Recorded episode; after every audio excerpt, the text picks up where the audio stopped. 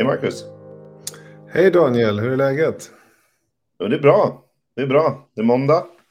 Eh, och lite bättre måndag blir det ju när man får prata vin, så det är bra. Exakt, och solen skiner, i alla fall där jag är. Ja, det är superhärligt väder. Det är vår. Mm. Nästan sommar idag. känns det som. Jaha, för de som lyssnar på det här så kommer de att känna igen sig, eller hur? Vi ska igenom ett antal viner och, och berätta lite vad vi har, eh, vad vi tycker är intressant och vad vi vill eh, lägga vantarna på på fredag. Och eh, så ska vi få lite tips och tricks av lite gäster också. Exakt. Vi tänkte hjälpa till och, och med beslutsångesten på fredag när man står där framför tillfälliga sortimentet-hyllan. Eh, Kanske ännu svårare framför tillfälliga sortimentet-sidan på Systembolagets sajt. Exakt. Mm. Innan vi kör igång då, jag har inte sett det på länge. Har du gjort något kul ifrån, i vinvärlden så att säga? I vinvärlden. Prova Eh, någonting som du vill dela. Du kan få tänka en stund om det inte var något spontant. Ja, precis. Eh, Jag har inte hunnit tänka så mycket, men eh, nej, jag kanske kommer på något sen. Jag återkommer. Du får tänka. Absolut. Mm. Hur, ehm, du, vi visar väl Systembolagets lista här i sändningen, eller hur? Ja, vi brukar Ja. göra det. Klämmer igång den här. Gör det. Vi har ju, den här gången är det ju väl ett, ja, vad ska man säga, mellansläpp. 41 viner. Eh, tung, eh, övervägande rött, 18 stycken. 10 rosé, det börjar närma sig sommaren. Man märker att vädret börjar påverka sortimentet. Eh, Stämmer. Fler rosé än vita den här gången, så det har det första gången i år, tror jag. Ja, Det känns som det bara exploderar på roséfronten. Mm. 10 rosé, 7 vita, 5 eh, mousserande. Och sen ett smaksatt, eh, som de ju kallar det för. Det är väl en sangria i det här fallet, tror jag. Precis, det är det första. Jag vet inte om jag får äta upp det här, men det är det första vinet. För Mm. ja, det är väl det. Eller vad tänker du när du tänker sangria? Ja, det, in, det innehåller ju vin, Ja, jo, det var därför jag Men- öppnade tungan också. Liksom. exakt. Men jag skulle nog inte säga att jag serverar ett vin om jag serverar en sangria. Nej. Men du har ju sorterat listan här från det billigaste till eh, det dyraste då. Och Mm. det här är alltså vinerna som släpps klockan 10.00 sharp, prick på sekunden. Fredagen den 13 maj. Oj, vilken otursdag. Ja. Men det är sangrian, har man, inte, har man inte provat det så kanske man ska lägga 75 kronor på det. Om inte annat så kan man ju googla fram ett bra recept och göra en egen variant skulle jag, skulle jag säga. Absolut. Det är väl, Mm. eh, det är väl en, en bra idé, tycker jag. Ja.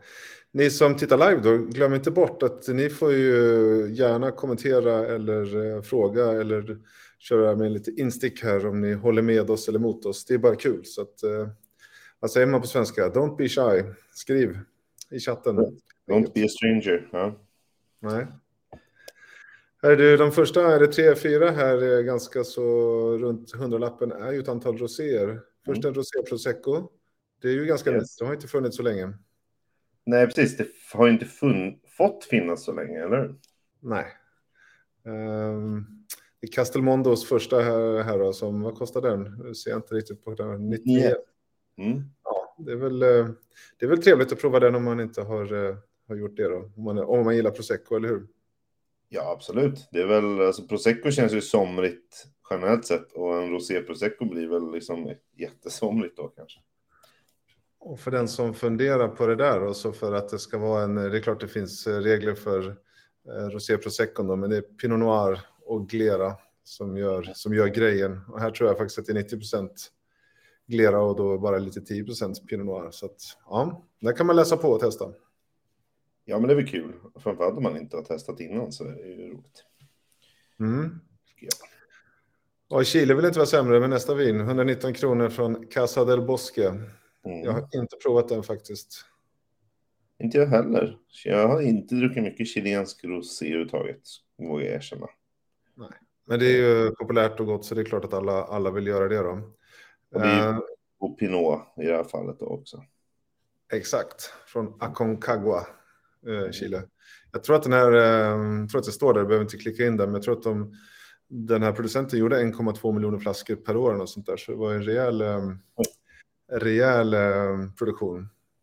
Ja, och då måste ju det säljas mestadels, ja inte i Sverige i alla fall, men Nej, förlåt, rosén görs inte i 1,2 utan hela, ja. hela deras produktion, alla viner. Men eh, jag tror att det är några av deras eh, andra vin i Sverige. Då. Mm. Eh, men nästa vin då, om du och jag är i Stockholm så är eh, ner till eh, Tyskland så ungefär, eller närmare bestämt till Fals, och ungefär halvvägs dit ligger väl Trelleborg, eller hur? Ja, Ja, för att i chatten så får jag nämligen höra att i Trelleborg är det sommar. Så då skulle vi ju kunna tipsa om Villa Wolfs Pinot Noir som är nästa rosé. Snyggt. Ja, exakt. Det är ju det är inte mycket tysk rosé för att köpa på systemet. Kommer lite mer och mer. Men eh, det där vinet vet jag att du och jag har druckit, inte Pinot Noir rosén utan eh, något av deras Riesling faktiskt som är väldigt prisvärda. Så det är väl klart. Varför inte? Ja, exakt. Nej, men det där tror jag absolut att det kan vara en trevlig... Mm, trevlig... Alltså, jag, jag pratar mig alltid varmt om, om tysk Pinot Noir, så att, eh, det brukar vara prisvärt. Något du kommer att välja på din topp tre-lista för kvällen? Nej? Inte just den där, men jag har rosé med på listan. Aha. Ja, skönt. Uh, för det är nämligen så att jag har ju uh, nästa vin i listan här är ju liksom ett som jag har valt. Då. Mm. Och det här är en spanjor. Och nu får man ju verkligen hålla tungan rätt i mun här. Och antingen om man, det är mycket X och antingen så, och så finns det väl, man kan ju både säga på spanska och på baskiska, så det känns som att det finns alla, alla möjligheter till att trassla till det här. Då. Ja. Men vinet som eh, kostar 139 kronor och vinet heter Rosado och producenten heter Xiumin X Danis, något sånt där. Så det bara... Jag trodde inte att du ens skulle ge dig på att försöka, men eh, det är bra jobbat. ja. Men det som är jag, varför jag har valt det här, uh, det, är, en druvblandning här då, och här är det lika eh, klurigt då, då för hälften är Honda Ribl Surri och den andra hälften är Honda Ribi Beltsa, tror jag man säger. Uh, för den som vill ha korrekt så får man väl nästan klicka in och läsa där då. Men vi är långt upp i basken och mm. Eh, en del eh, känner säkert igen Chacoli, eller Chacoli, jag tror det Chacoli, som är vinerna på de här eh, druvorna, eller den första druvan som man gör här.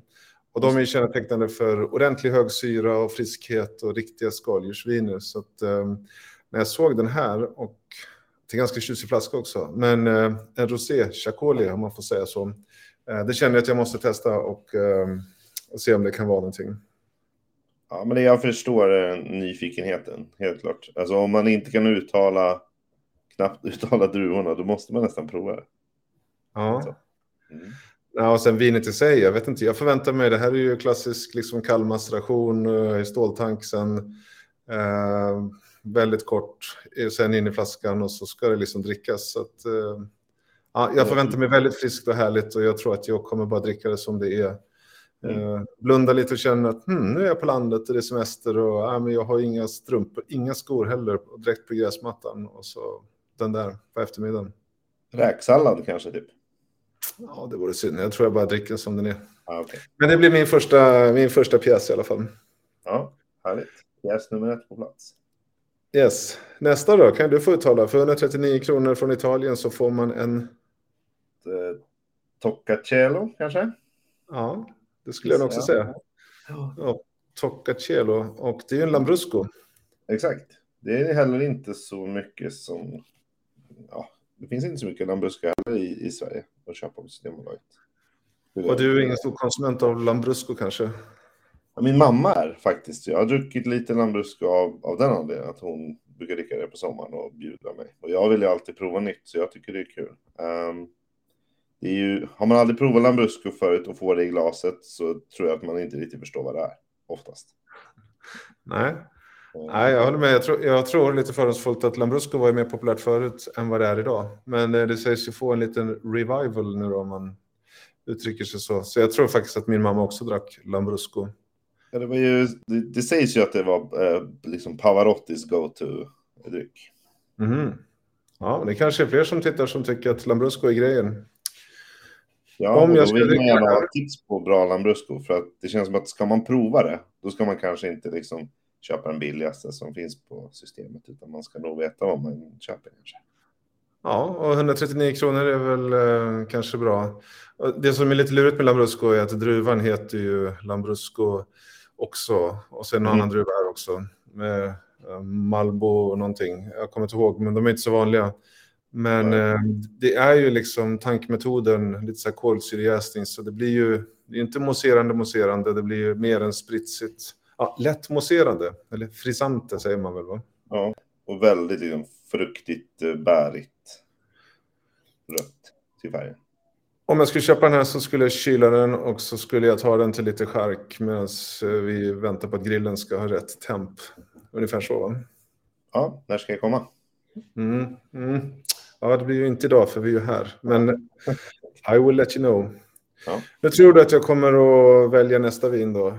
Lashmo la Grappe som är en, ehm, en Gamay eh, från Beaujolais. Mm. Jag kommer inte göra det eh, trots att etiketten är liksom, eh, det syns inte så bra där, men det är ju en, en, en björn och den har ganska modern etikett skulle jag säga, eller retroetikett. Så jag tror att den där kan man gilla. Är det något i namnet som betyder björn? Nej. Nej, Lars Målargrepp, släpp mig ur greppet eller släpp mitt grepp. Okay. Ja, det kan vara björnen då som... Ja, det verkar hemskt. Men eh, vinet i sig, det är ju, om du ska kanske sätta det på pottan här. Hur många kryor finns det i Beaujolais? Oj, oj. Titta. Mitt, uh... Ser du mig? Nej. Hur många kryor finns det i Beaujolais? Det är tio. Tio. Här är en av dem. Uh, och så finns det två appellationer till då. Uh, men tio, tio kryor och den här heter Renier. Så att, uh, vill man liksom igenom alla tio kryor så köp på den här. Tänker jag. Just det. Då har man bara nio kvar. Mm. Mm. Snyggt. Uh, du borde ju prata lite om nästa vin som heter Longview, eller producenten heter Longview och vinet heter Nebbiolo Rosato och kommer från Australien. Ja, det är väl därför du tycker att jag borde prata om det då, eftersom jag är Nebbiolo-nörd. Ja, det är alltså Nebbiolo Rosé. Vad tror du om det? Mm. Alltså jag dricker lite Nebbiolo Rosé eh, och det, det, kan vara lite hit en miss. Eh, det är ju, det är ju en, liksom en en druva som ger oftast, eh, det är svårt att liksom inte få tanniner i ett vin som den, där den där druvan är inblandad. Mm. Men kan man sin Nebbiolo så kan man göra en, en rosato på det. Jag har druckit riktigt bra, alltså några av de bästa roséerna från framförallt Italien. Men jag har nog, tror jag, inte druckit en Nebbiolo rosé från Australien. Så jag blir ju ja. oväntat nyfiken på den där. Jag skulle, jag skulle nog eh, tycka att du ska lägga 149 kronor. Och Australien då är ju kanske varmare här än, äh, än äh, Italien, så det får väl lite, äh, lite annan smak. Men ni vill, får testa helt enkelt. Exakt, och jag tror att de Nebbiolo Rosé jag har haft svårt för har ju då de som är extremt strama, för då blir det ju lite, då tar ju tanninerna över, även om det inte är jättemycket. Så ja, du har nog rätt. Uh, här är det utanför Adelaide Hills, Macclesfield. Uh, och jag tror de här gör, uh, de gör inte bara rosé såklart, men jag tror inte de gör, uh, eller kanske gör Nebbiolo röda, jag vet inte. Det finns någon andra viner i alla fall i beställningssortimentet tror jag. Mm. Jag förväntar mig en bild på dig och en Nebbiolo Rosato från Longview i alla fall. Det är inte frågan om, ja. utan när. Mm, jag skulle inte våga säga emot. Nej. Hörde, vi ska alldeles strax ta och uh, bjuda in en gäst här och, och uh, prata lite mer vin. Mm. Jag tänkte, vi har ju två viner till här som... Eh, eh först har vi Chateau Saint-Croix som är sådär franskt och fint. Och vinet heter Charmeur och kostar 149 kronor. Ja, det är ett lite roligt namn tycker jag ändå. Ja, faktiskt. Och det är en Cote Provence så att jag tror man får... Ja, det är Grenache, Syrah, Cinsault. Mm. Uh, men jag tror man får den här blodgrape, rabarber och den här uh, ja, Provence-grejen. Att, och det finns säkert en jättebra historia bakom Chateau Saint-Croix som inte jag känner till och kanske inte du heller. Precis. Det har väl varit lite av en, liksom, vad ska man säga, en rörelse kring eh, Provence Rosé och den här ljusa färgen och liksom allting. Det är nog vaggan uh, för rosé för många. exakt. Jag tror det. Ja, sist men inte minst här då, en, eh, nästa, en Riesling också från Australien. Lodge Hill, har du provat den?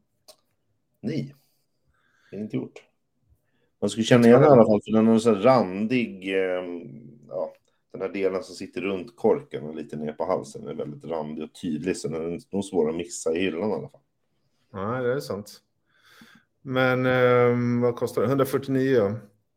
Jag skulle gissa att man får eh, väldigt hög syra, man får liksom den här härliga friska rislings, rislingsmaken, men så tror jag att det är, det är mer liksom melon, eh, äpplen, liksom mognare toner och kanske lite såklart lime och sådär. Men man kommer känna igen sig, men det, det är lite varmare helt enkelt.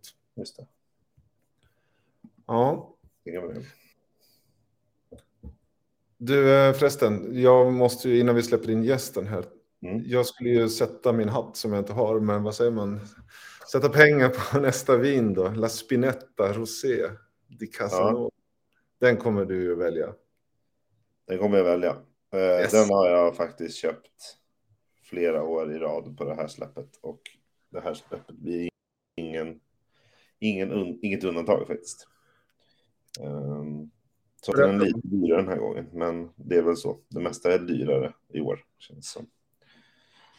Ja, jag tror inte vi kommer ha den här. Nu har vi sänkt priset. Mm, nej, precis. Förmodligen inte. Ja, men nu är det ju nu återigen då. Vi hade ju ett vin från La Spinetta i om det var förra sändningen eller kanske sändningen innan dess. Mm. Eh, där vi ju tjatade om att de finns både i, i norra uppe i Piemonte och nere i Toscana. Eh, och i det här fallet så är det en rosé från deras då, Toscana-projekt. Eh, så det här är Sangiovese. Och sen så är det Sangiovese igen, fast det heter ju Prugnolo. Prugnolo. Exakt, som är en klon av Sangiovese. Så det är ju på ett sätt Sangiovese gånger två, fast med någon lite annorlunda touch då. Den brukar ju odlas lite, lite söderut i, i Toscana mot eh, Montalcino. Men du, prognolo Gentile, eh, är en, det, är, det, det är en synonym till Sangiovese, bara det att man säger så när den växer i... Eh, jag tappar geografin då, inte i Toscana, visst är det så? Jag tror, alltså det räknas till Toscana där den växer, det är ju Montalcino. Okej. Eh, men, eh, och jag, som jag förstår är det en klon av San, Ja, det är det. Jag bara fick för mig att det var ungefär så här att, eh, eller vet du vad, det är dumt att bara slam, svamla om något man inte kan. Vad får man i glaset Daniel om man köper La Spinetta? Ja, nej men den är ju... Alltså, ja, det här är min definition av bra rosévin. Liksom. Men ehm, Men det är så här det är smak, man... framförallt. jag, jag, tycker, jag tycker ju om eh, roséer som har mycket smak utan att de såklart blir söta. Liksom.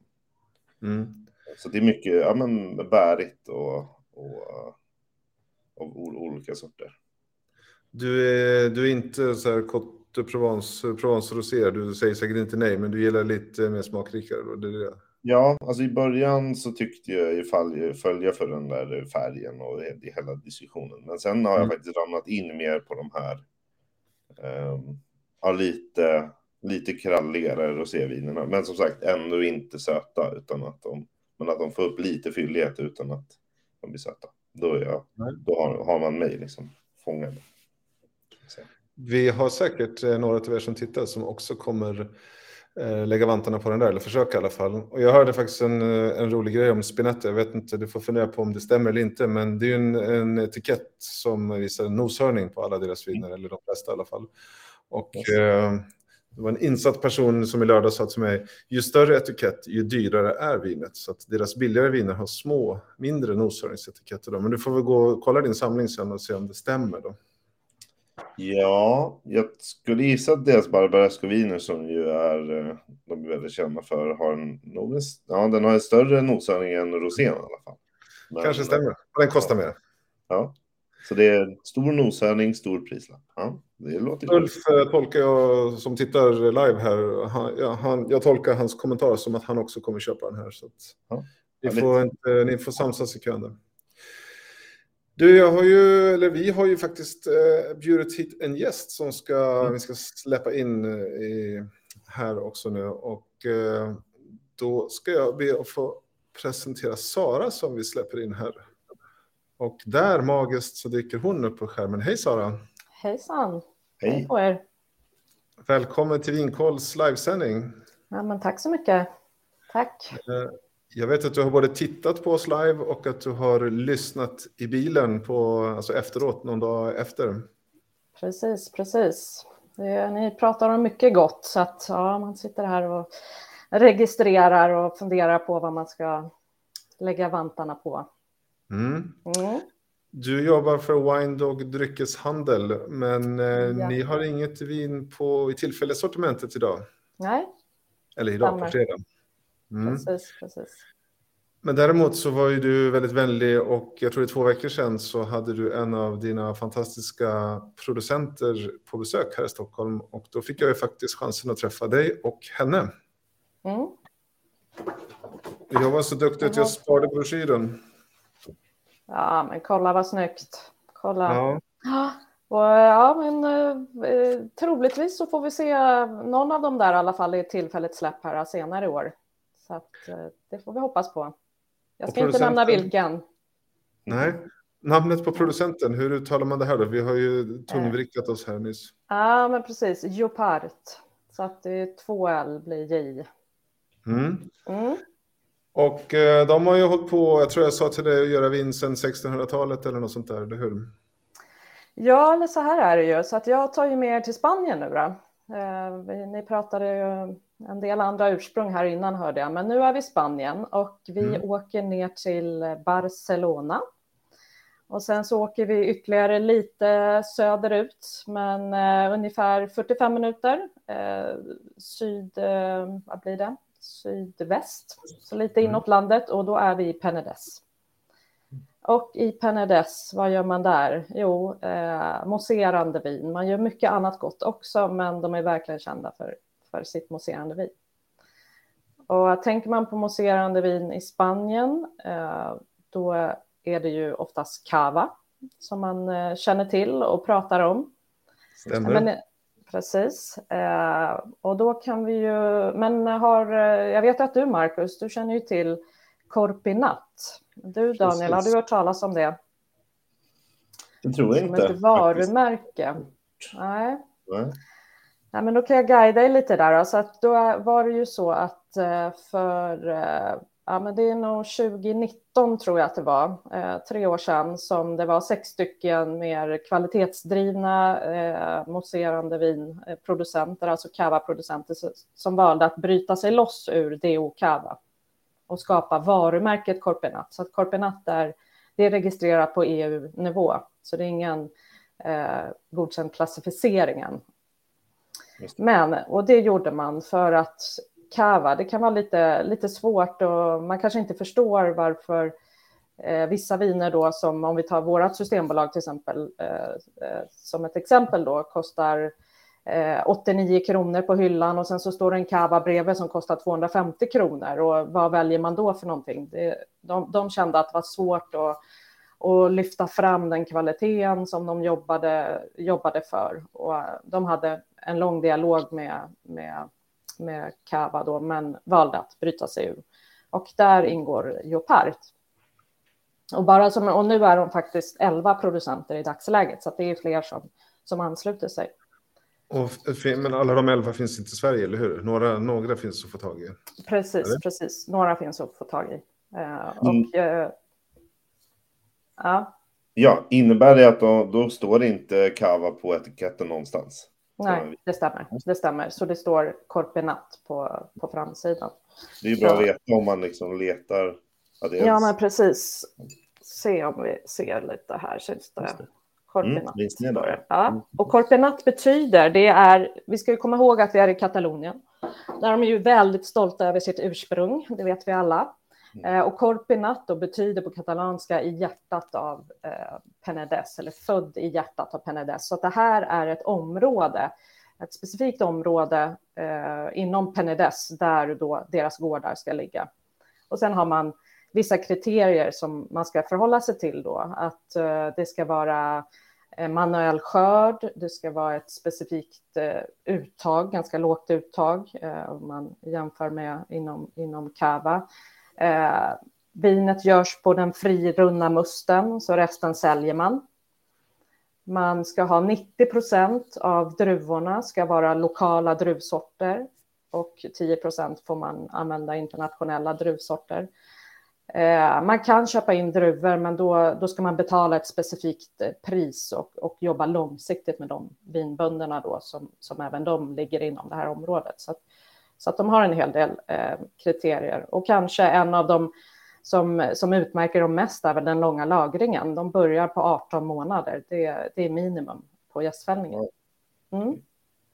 En rejäl eh, kvalitets... Eh, vad ska man säga? Kvalitetshöjning kanske är fel ord, men det, det borgar ju för eh, ett, ett seriöst vinmakning om man, när man gör korpinat, skulle jag säga i alla fall. Mm. Ja, men absolut, så är det. Så är det. Eh, och Joparto som vi jobbar med, så, så jag driver ju då Winedog dryckeshandel tillsammans med, med min kollega Göran. Vi, vi är specialiserade på, på Spanien, vårt fokus är verkligen Spanien och sen nu Portugal senaste året. Så att eh, Jopar träffade jag 2016, så vi har jobbat tillsammans med dem sedan dess. Eh, deras faktiskt, nu är det mycket rosé som ni pratar om här. Eh, deras eh, rosé eh, har funnits i tillfälligt släpp ett par gånger. Mm. Det är inte det vi ser som kommer senare i år. Ja, för du vill ju tipsa om det här, eller hur? Ja, men precis. Så att, eh, vi jobbar ju med deras, eh, två av deras viner som finns i beställningssortimentet. Eh, och då är ju ett av dem eh, Brut Natur Reserva. Och här ser vi ju då de tre hörnstenarna i, i Cava kan man säga, men även i, i eh, Corpinat. Alltså om man om man pratar om mousserande viner i Spanien så är druvorna då, här kommer vi också lite till uttal, eh, dessa, dessa X. Så mm. eh, Charello, Macabeo och Pariada. Så att vi har 40 procent Charello, 40 Macabeo och 20 Pariada i det här vinet. Och en lång lagring. Det här är eh, bruttnatur då, där vi inte har något tillsatt eh, socker. Eh, minst 36 månader på gästfällningen. Eh, och jag tror där det som vi provade, bland annat Marcus, det hade nog legat 40, över 40 månader. 42 kommer de upp i ibland. Imponerande. Ja, så att det, det är lång lagring på det. Eh, och det här är väl det lite Jopart är känt för. De började ju som sagt, vi, vi nämnde där, det, de går faktiskt så långt tillbaka som 26 generationer. Så från 1300-talet har ägorna funnits i den här familjen. Men 1887, då började de göra mousserande viner och de var de som satte just trenden med brutt natur. För då jobbade man mycket med, med mer sötma i vinerna. Men eh, de var en av de första som lyfte fram det här. Mm. Det skulle vara kul att höra här om någon som, som tittar live nu och chansen att skriva här om ni har provat det här eller eh, helst det här vore ju jättekul om någon har. För man stöter ju på det på en del vinbarer och, och, och ställen eh, om inte annat. Mm. Men också det med korpinat om, om ni känner till det eller inte. Eller om det var en nyhet liksom skulle vara kul att veta. Så skriv gärna någonting om det. Mm. Nej, och, och, vi, vi jobbar ju mycket med att vara ute och utbilda och, och prata, in, inte bara om korpinat såklart, utan, utan Spanien som vinland. Men men Corpenat, det är, ja, det är nötande som gäller och, och, och prata och förklara liksom skillnaden och vad är det som, som, som framhäver dem.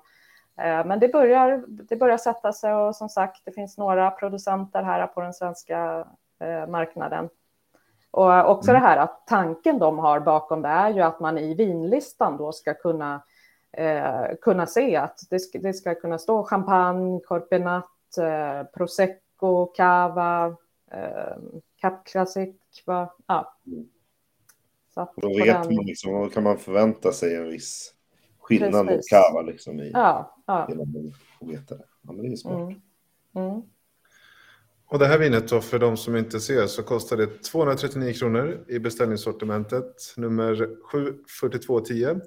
Men enklast är väl nästan, Sara, att börja följa Winedog på Instagram, Facebook eller surfa in på er sajt. För det finns ju jag hade en fin broschyr här då, men alla, mm. de där finns ju inte i Sverige, men det finns ju rosé och lite sånt där va? Mm, nej men absolut, och som sagt vi jobbar med fem, sex olika viner från dem nu. Eh, så att en del också som känner till producenten, ber man snällt då, då får man, eh, så kan man såklart lägga en privatimport. Eh, för några av vinerna som vi har, de har ju legat mer än tio år på gästfällningen så att det är wow. riktigt, riktigt speciella viner som vi säljer styckvis då också. Mest till, till restaurang, någon flaska eller så, men även privatpersoner som faktiskt frågar efter dem, som kanske har besökt gården eller så. Också. Men de finns inte, de hittar man inte via Systembolagets sida då, utan då... Nej, men precis. Så att, eh, men går man in då på wine, winedog.se så, så skriver vi om producenten och de vinerna som, som vi har hemma. Ja, det är ju superhäftigt, för det är sånt som liksom inte går att få tag i annars känns det som. Alltså... Ja, men precis, det stämmer. Det stämmer.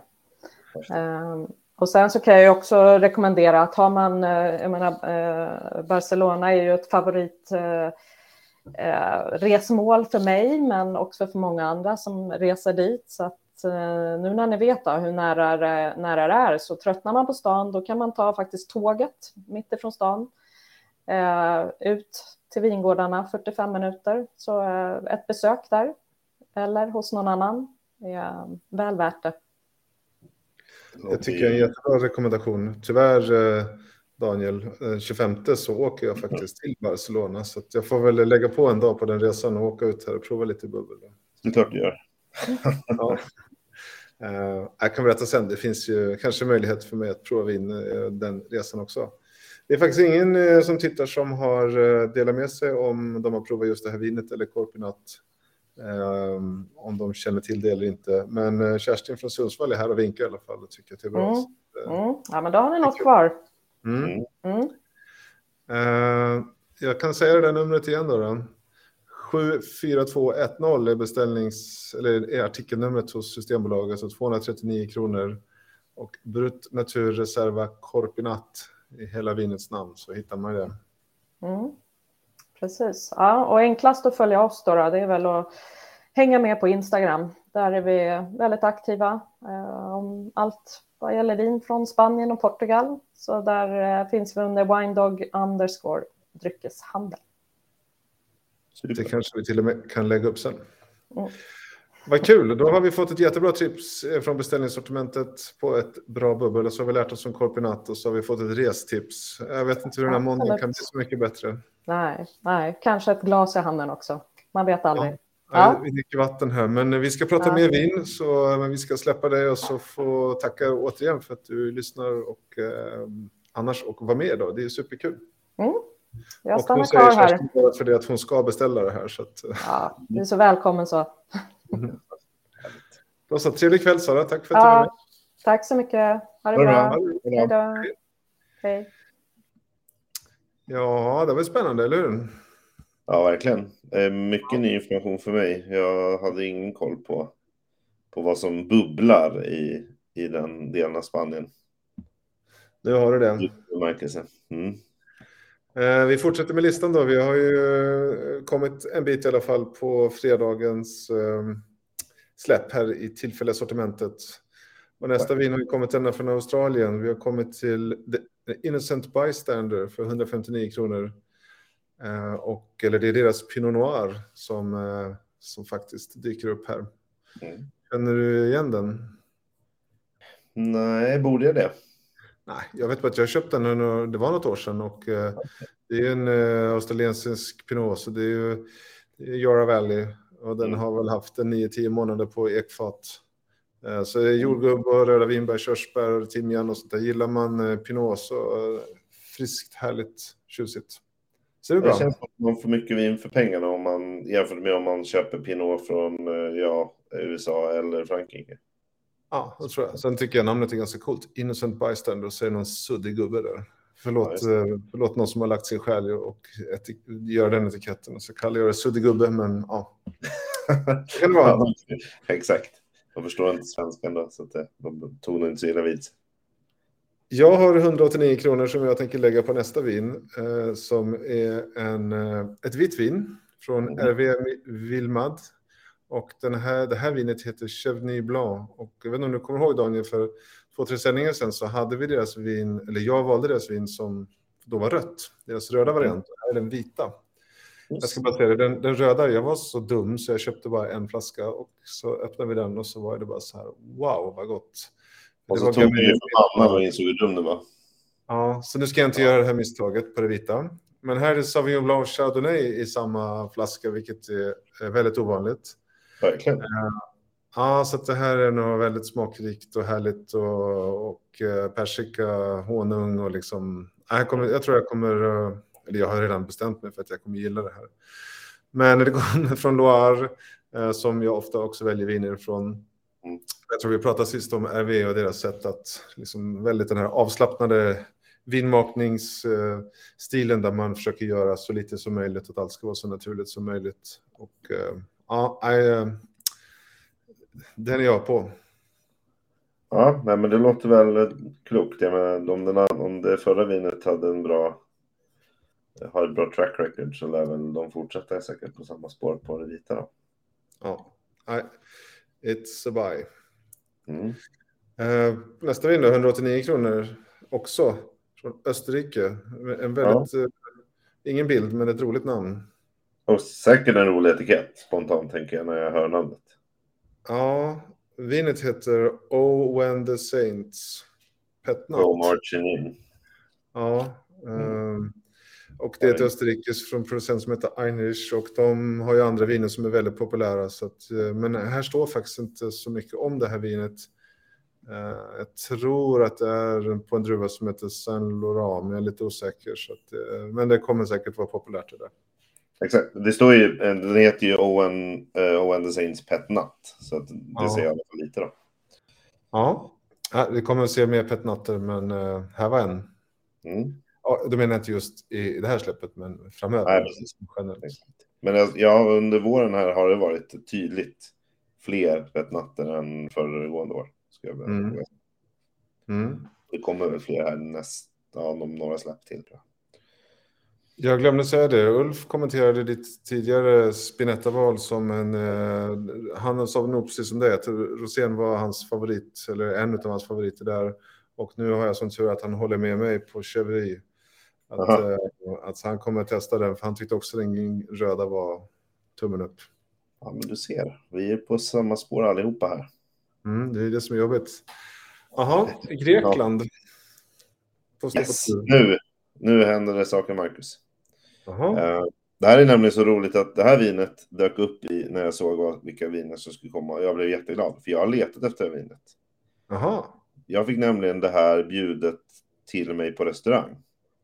Um, en restaurang som ligger precis bredvid mitt jobb. Ehm, och de frågade lite vad jag tyckte om och jag började prata om Nebbiolo och Barolo och grejer. Och helt plötsligt kommer de fram med ett grekiskt vin och jag tänkte att vad, vad, vad händer nu liksom? Ja. Eh, Jag har druckit en del grekiskt men då är det nästan mest vitt tror jag. Ja.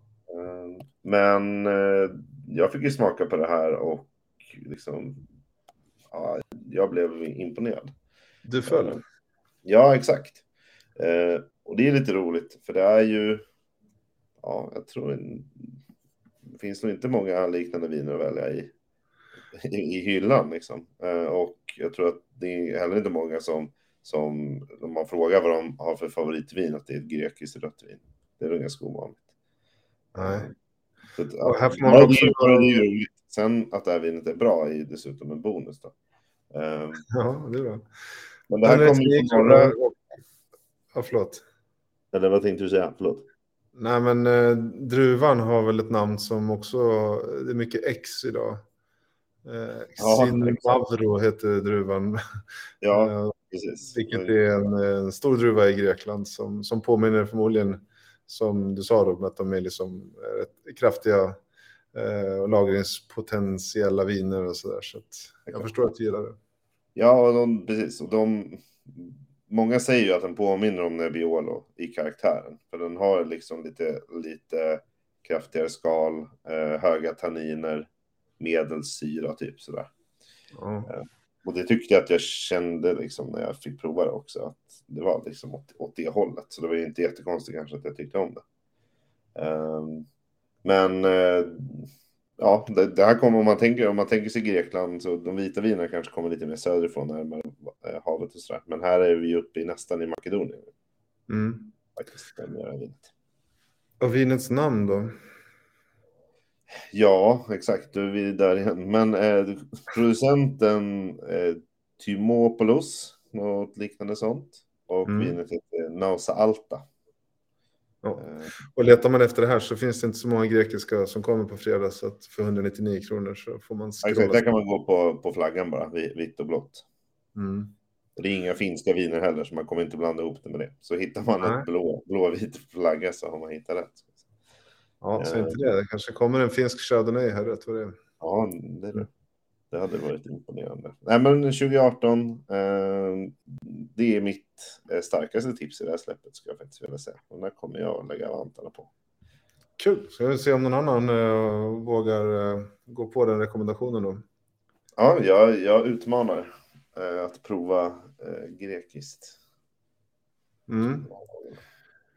Det är många viner och tiden går. Vi ska alldeles strax ha en gäst till, men jag tänkte eh, vi kan gå lite snabbt på några viner här. För nästa som heter Mas Champar, och, eh, eller producenten och vinet heter Cause de Bousquet. Eller kanske tvärtom? Ja, 199 kronor.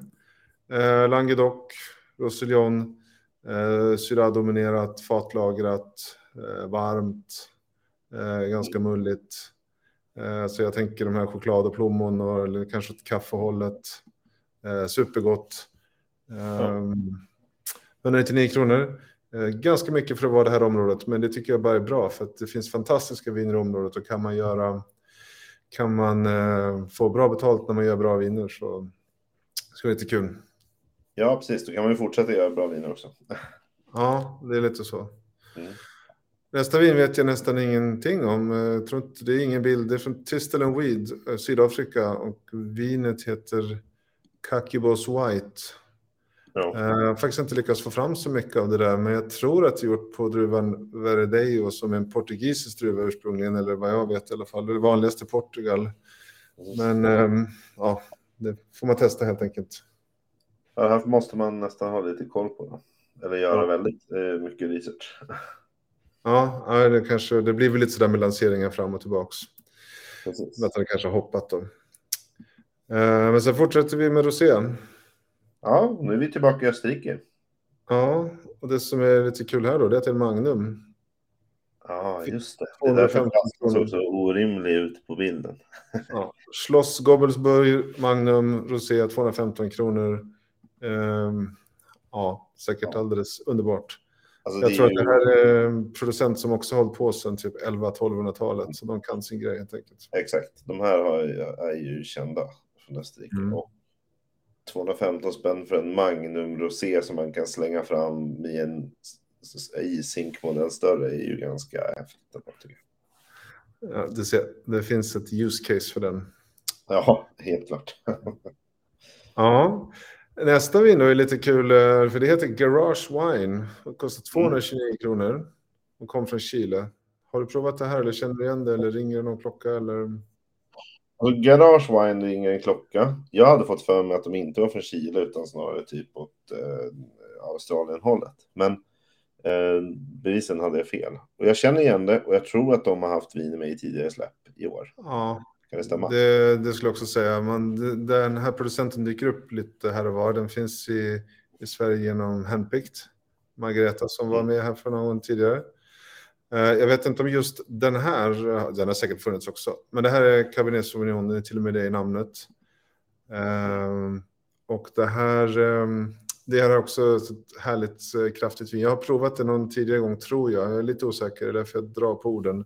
Men jag tänker mig att här är det fat, svartvinbär, choklad och hela det här liksom härliga som man, som man vill åt. Och det här är ett vingårdsläge såg jag, så att ehm, det är nog bra grejer. Ja, men det är nog inte omöjligt. Det, det ser nästan lite, alltså, men, vad ska man säga? Det, är ju en, en ganska säga, minimalistisk etikett. Gar, garage står med lite snirklig text och så står det någon text under. Jag tror att den är lite, det är garanterat modern Chile liksom. Ja, jag vet faktiskt varför det heter Garage Wine. Så storyn är att man eh, 2009 startade en, eh, ja, ungefär som ett kooperativ, men en, liksom en rörelse där eh, ungefär 30 stycken vinproducenter gick ihop för att eh, samköra liksom flaskor och butelj, buteljering och vissa delar för att antagligen för att spara pengar eller göra det mer kostnadseffektivt. Mm. Eh, inte ett garage vad jag vet, men eh, det kan, kanske var så. Men idag gör man ungefär 40 000 flaskor från olika vingårdslägen. Inte av det här, men totalt. Så att, eh, man har lyckats. Mm. Så det, det, tror jag är ett riktigt bra vin och det mår nog bra av att sparas till något år fram om man, om man inte hinner med. Mm. Och det är ju samma sak där. Alltså, det, ska man köpa cab från USA och Frankrike så blir man ju ofta ruinerad. Men här är det ju ändå inte så farlig prisbild. Så. Nej. Ja. Kul grejer helt enkelt. Mm. Du, alldeles strax, nu ska vi se, vad har vi som kommer näst här? La Chimère. Domän... Lite Alsace, eller? Exakt. Eh, mm. Det här är en Alsace. Det är en Riesling. Mm. Uh, och uh, jag skulle nog våga säga att det här klassar nog producenten som naturvin. För att de här jobbar med, de filtrerar inte och de tillsätter i stort sett ingenting. Och uh, ja, den här filosofin att det ska vara så naturligt som möjligt. Det. Jag har inte provat det, jag känner inte till det mycket mer än så. Nej, men det låter som att man förmodligen blir lite förvånad om man köper den här och tror att den smakar som, för vi har ju en del Alsace-risning ändå i fasta sortimentet, men jag tror inte att den här kanske är i samma stil. Då. Nej, jag tror till och med att eh, det är säkert därför den är med också. Mm, antagligen. Mm. Ja, kan man, blir man nyfiken faktiskt. Det blir svårt här. Ja. Ulf eh, kommenterar förresten eh, som skulle köpa de andra två här. Han tyckte Magnum Rosén var en grej också. Så det får armbåga sig fram här. Ja, exakt. Och ta med någon, någon bra kasse då, om man ska få med sig den där tunga flaskan. Här. Eller en kompis att bära. Ja, det är bra. Man kan ha två. Jag tycker så, jag vet inte, det kommer lite viner här som inte har någon liksom bild när man tittar på Systembolaget. Så det kan ju bero på lite olika saker, men framförallt så har väl eh, importören kanske inte hunnit eh, ladda upp eller på något sätt. Jag vet inte exakt hur det funkar, men jag tycker själv att det, om det går, och det tror jag alla vill, men en bild gör ju ganska mycket.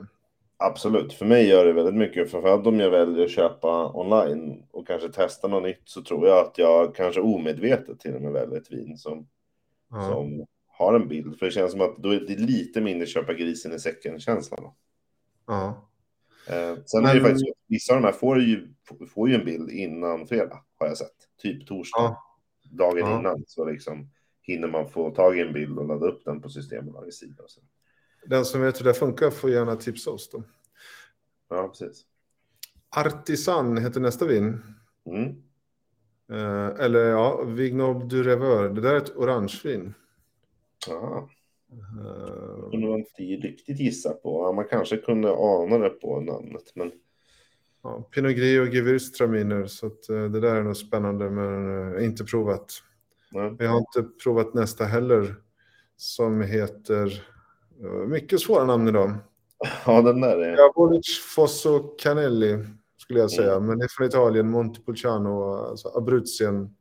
Och, eh, ja, och sen också eh, säkert jättegott. Jag skulle nog, jag skulle gissa i det här området gör man ju mycket Cerasuolo, alltså den här. Eh, men det här kanske inte är det, så jag ska inte säga det. Jag blev lite ja. osäker. Nej. Vi säger att inte det ett rosé, säger vi.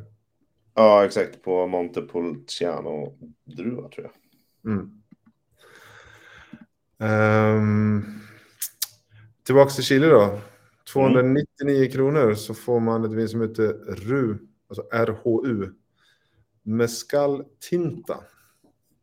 Är det mescal? Eller, uh, det står mescla. Mescla. mescal är ju en, en spritsort. Ja. Så det var det, det jag läste också det först. En sån här freudiansk felsägning. Fel ja, men det är ett vin. Ett vin. Det är gjort på syra och sen är det lite garnacha och någonting till om jag inte minns fel.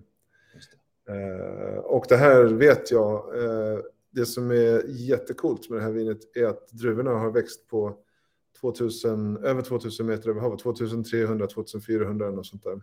Ja. Uh, och det är ju så en himla stor temperaturskillnad på natt och dag. Ja. Så de mognar ju druvorna på ett speciellt sätt. Så att, eh, trots min felsägning så tror jag att det där är... var nära att du åkte med på listan. ja. För min del. Exakt. Du har ju, du har ju blivit lite av en Chile-fantast. Ja, det verkar så. Jag har valt det flera gånger. Mm. Det, det är samma namn som, heter inte kängurun i, i Nalle Puh sådär också? Jo, men eh, inget, inget H om jag minns rätt sedan barndomen. Det kanske den chilenska versionen Nalle Puh, där heter det med H. Ja, så kanske. Ja. Nästa vin vet jag i stort sett ingenting om. Domino del Aguila för 299 kronor. Caro Claret. Ja, var det det? Ja, det var en Ja. Claret. Det är ju också rosé då. Det är ju de här Bordeaux, ja, från Bordeaux-tiden Claret, så det är lite mörkare rosé. Men då, jag vet ingenting om det. Det? Alltså 14 procent för rosé är ganska mycket, Ja, tänker jag. varmt. Mm. Eh, vi ska ta in eh, vår nästa gäst, men jag skulle väl ta den där hatten som jag inte hade innan och säga att nästa vin kommer du att välja som en av dina favoriter, eller hur? Ja, nu, nu är vi där igen. Ja, vi verkar Jag- jag- nu. Jag är tydligen alldeles för lätt, eh, lätt gissad här. Ja, det vet jag inte, men smaken är ju lika. Du får berätta vad det är för eh, vin. Ja, nej, men det är en Barolo från Giovanni Rosso Mm. eh, 2016, så det är ju bra årgång och det är något man får lägga på hyllan som vanligt med de här vinerna. Ehm, och nej, men det är en producent som, som faktiskt, eh, precis som La Spinetta, inte bara håller till då, i Piemonte. De har ju faktiskt lite, eh, några projekt på Sicilien också. Mm. Eh, som jag inte tror att man kan få tag i på Systembolaget. Men, Ja, det men, Det blir kul. Eh, ja, precis. Men det är Sara Lunga, eh, de Alba som de håller till i det området då, uppe i Piemonte. Ja. Så den där tänker jag ju köpa på mig och sen så kommer den att vara liggandes i ganska lång tid tills det är dags. Vad skulle du gissa på när du säger lång tid? Då? Ett år, fem år, tio år, hundra år? Ett är för kort. Fem, jag skulle nog säga att man köper ju gärna fler än en flaska och sen så kanske man öppnar den efter fem. Och då kan man ju Mm. svara på huruvida den andra ska öppnas snart eller om den ska ligga fem till. Ja, Det är nog ja men smart. eh, gissningen. 329 kronor, Giovanni Rosso, Barolo från Saralunga. Si. Då är du, då är du nöjd. Ja, då är jag faktiskt nöjd. Mm. Du, nu ska jag bjuda in eh, en gäst eh, här som ska få berätta om nästa vin. Du Daniel kan ju få fundera lite på hur du ska uttala det där då, om, du, om du får chansen. Ja. Eh, Men nu tänkte jag släcka ner din skärm här så tänkte jag bjuda in Alexandra. Hallå! Hej! Hej! Hej! Vad kul att ses! Ja, detsamma. Äntligen. Och du kommer från eh, en, eh, en vinimportör som heter Stella Wines. Vilka är ni? Kan ni berätta? Ja, det ska jag. Vi heter Alexandra Laplaka heter jag eh, och jag jobbar och eh, delägare i Stella Wines, en liten, liten importör. Ehm, och eh, vi har då handplockat viner från mestadels Italien startade vi med för att jag är halvitalienska. Hade en förkärlek till Italien såklart då. Eh, men sen har vi börjat ja, titta lite utanför boxen, vilket gjorde att vi var tvungna att ha en champagne också. Lite sådär.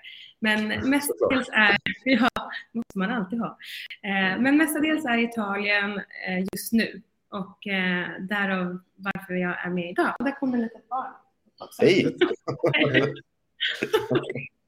Ja, för Eh, som jag sa här, nästa vin som, eh, som är här, kommer på fredag, det är ju faktiskt ett av era viner. Och då ska jag vara lite elak mot Daniel här kan inte du Daniel försöka på uttala det här? Precis. Eh. Collenotolo.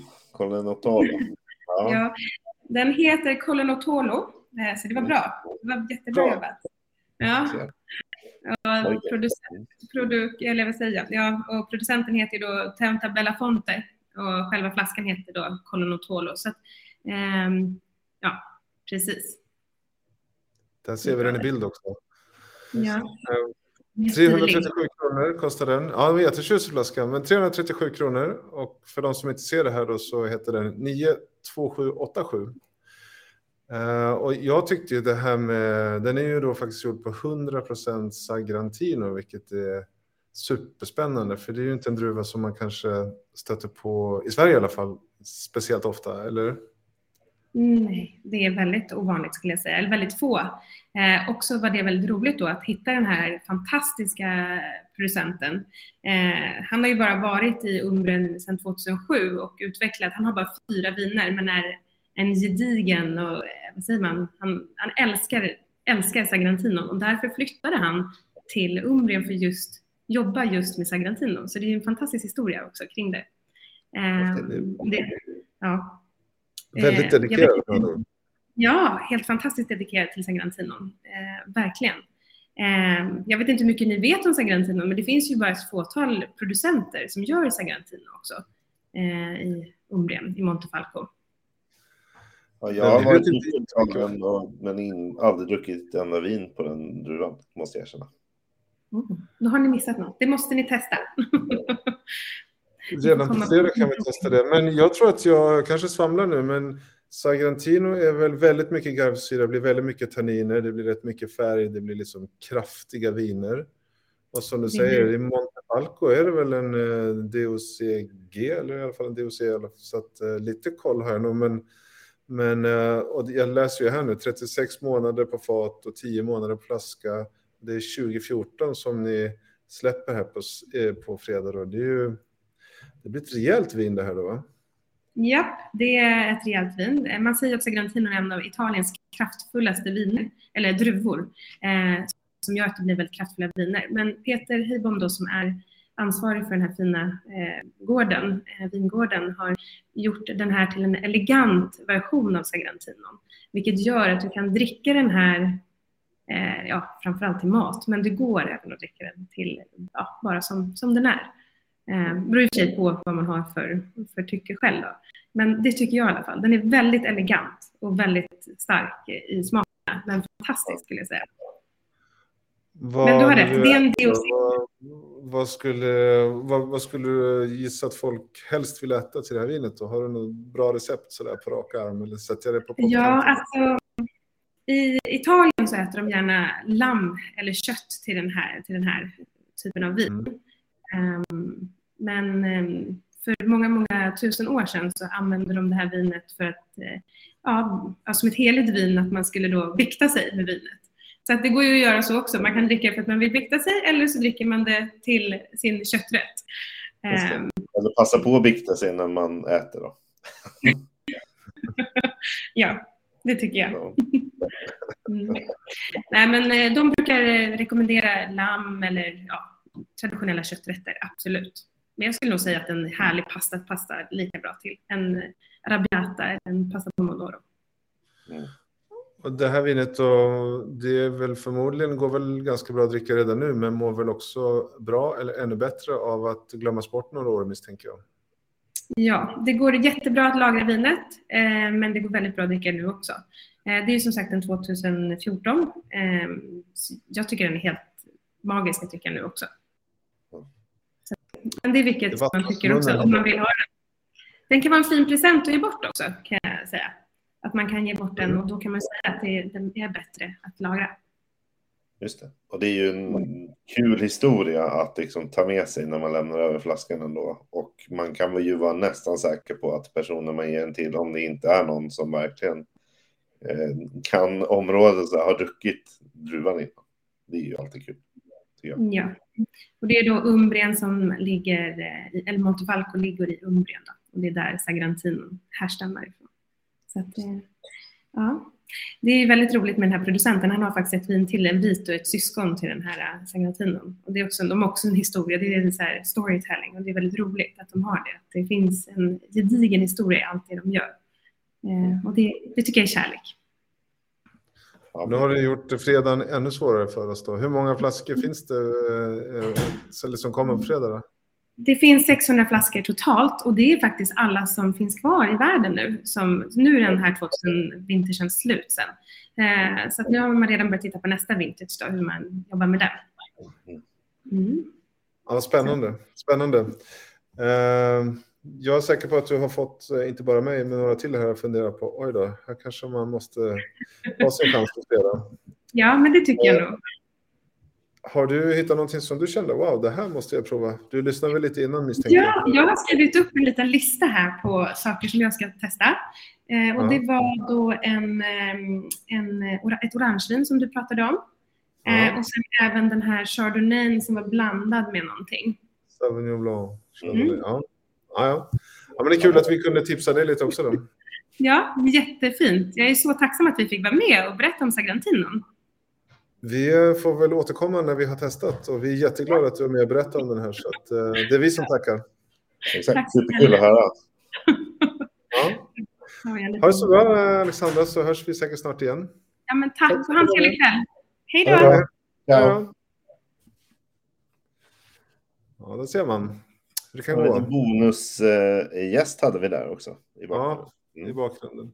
Du, klockan springer iväg och även priserna.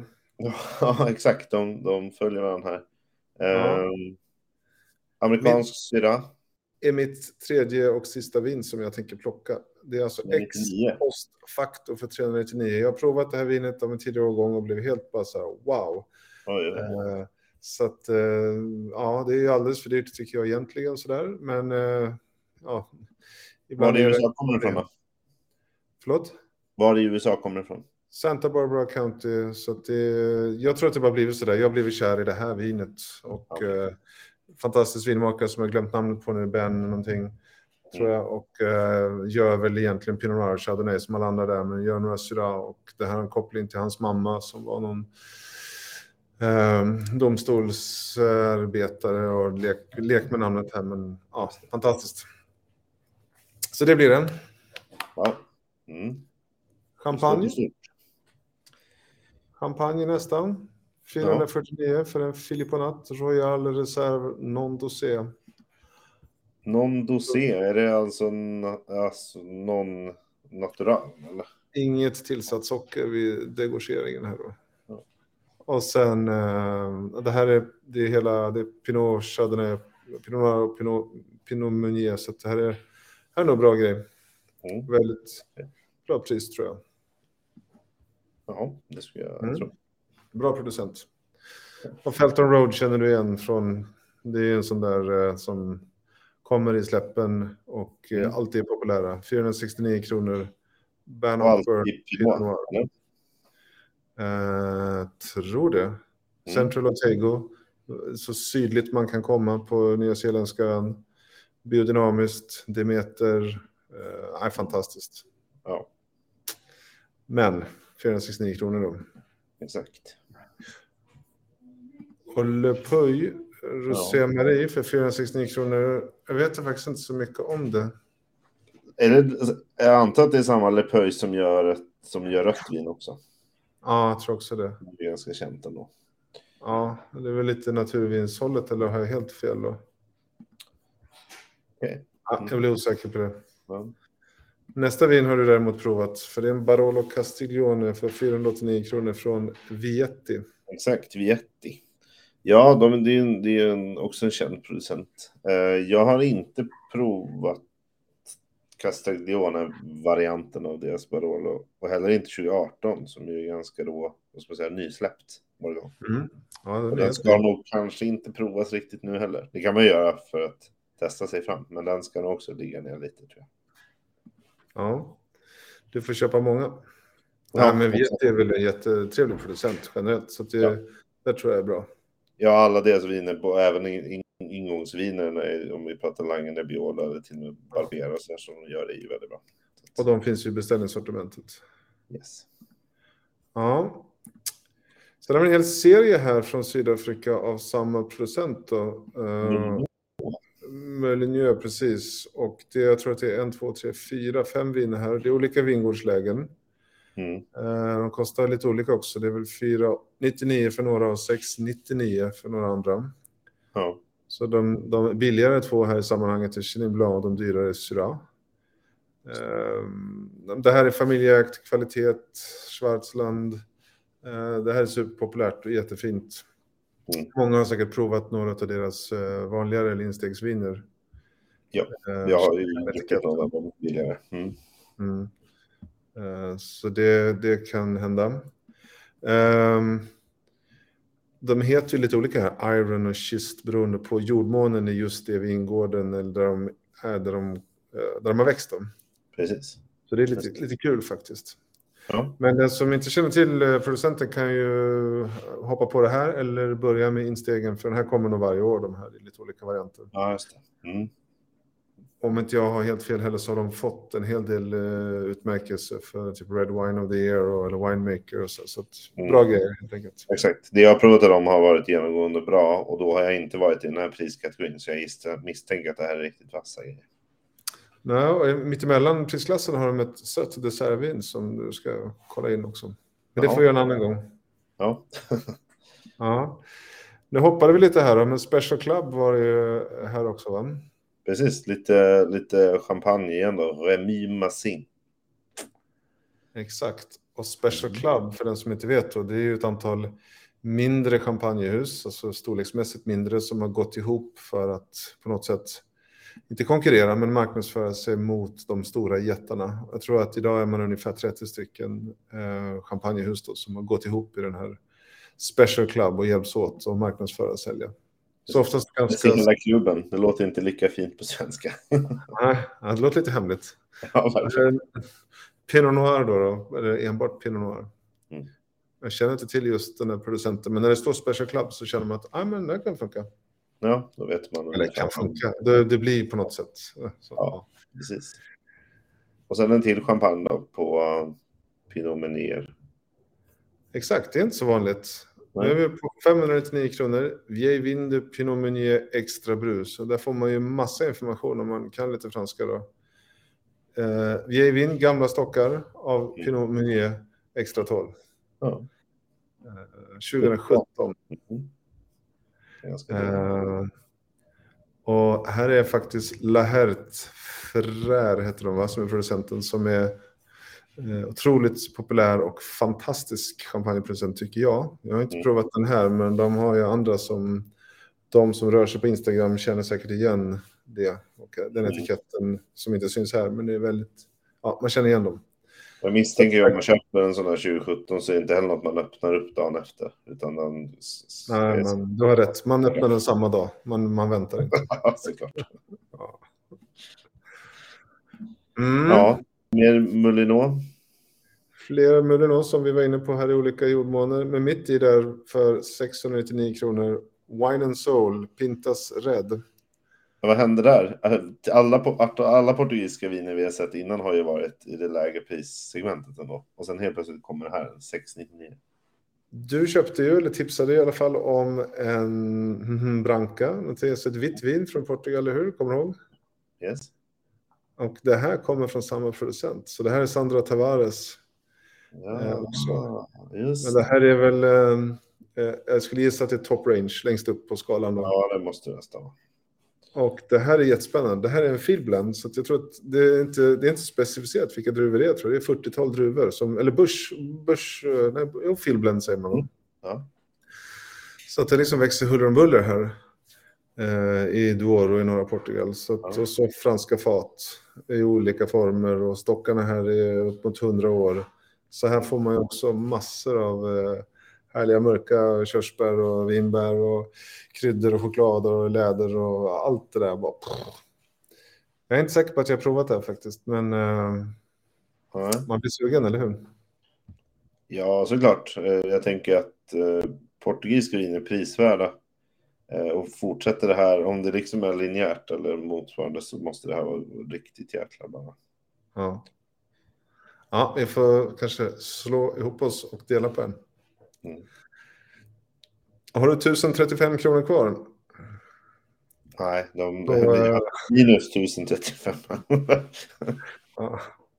För nämligen det sista vinet som är på listan här kostar just 1035 och när det då heter Chateau Leoville Poifere, var kommer det då ifrån?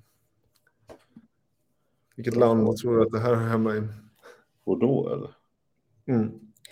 Det stämmer. Åt med dock Saint-Julien. Eh, bra klassisk Bordeaux, cab-dominerad. Eh, så är det väl lite Merlot tror jag också. Det är säkert lite skvättar av annat också.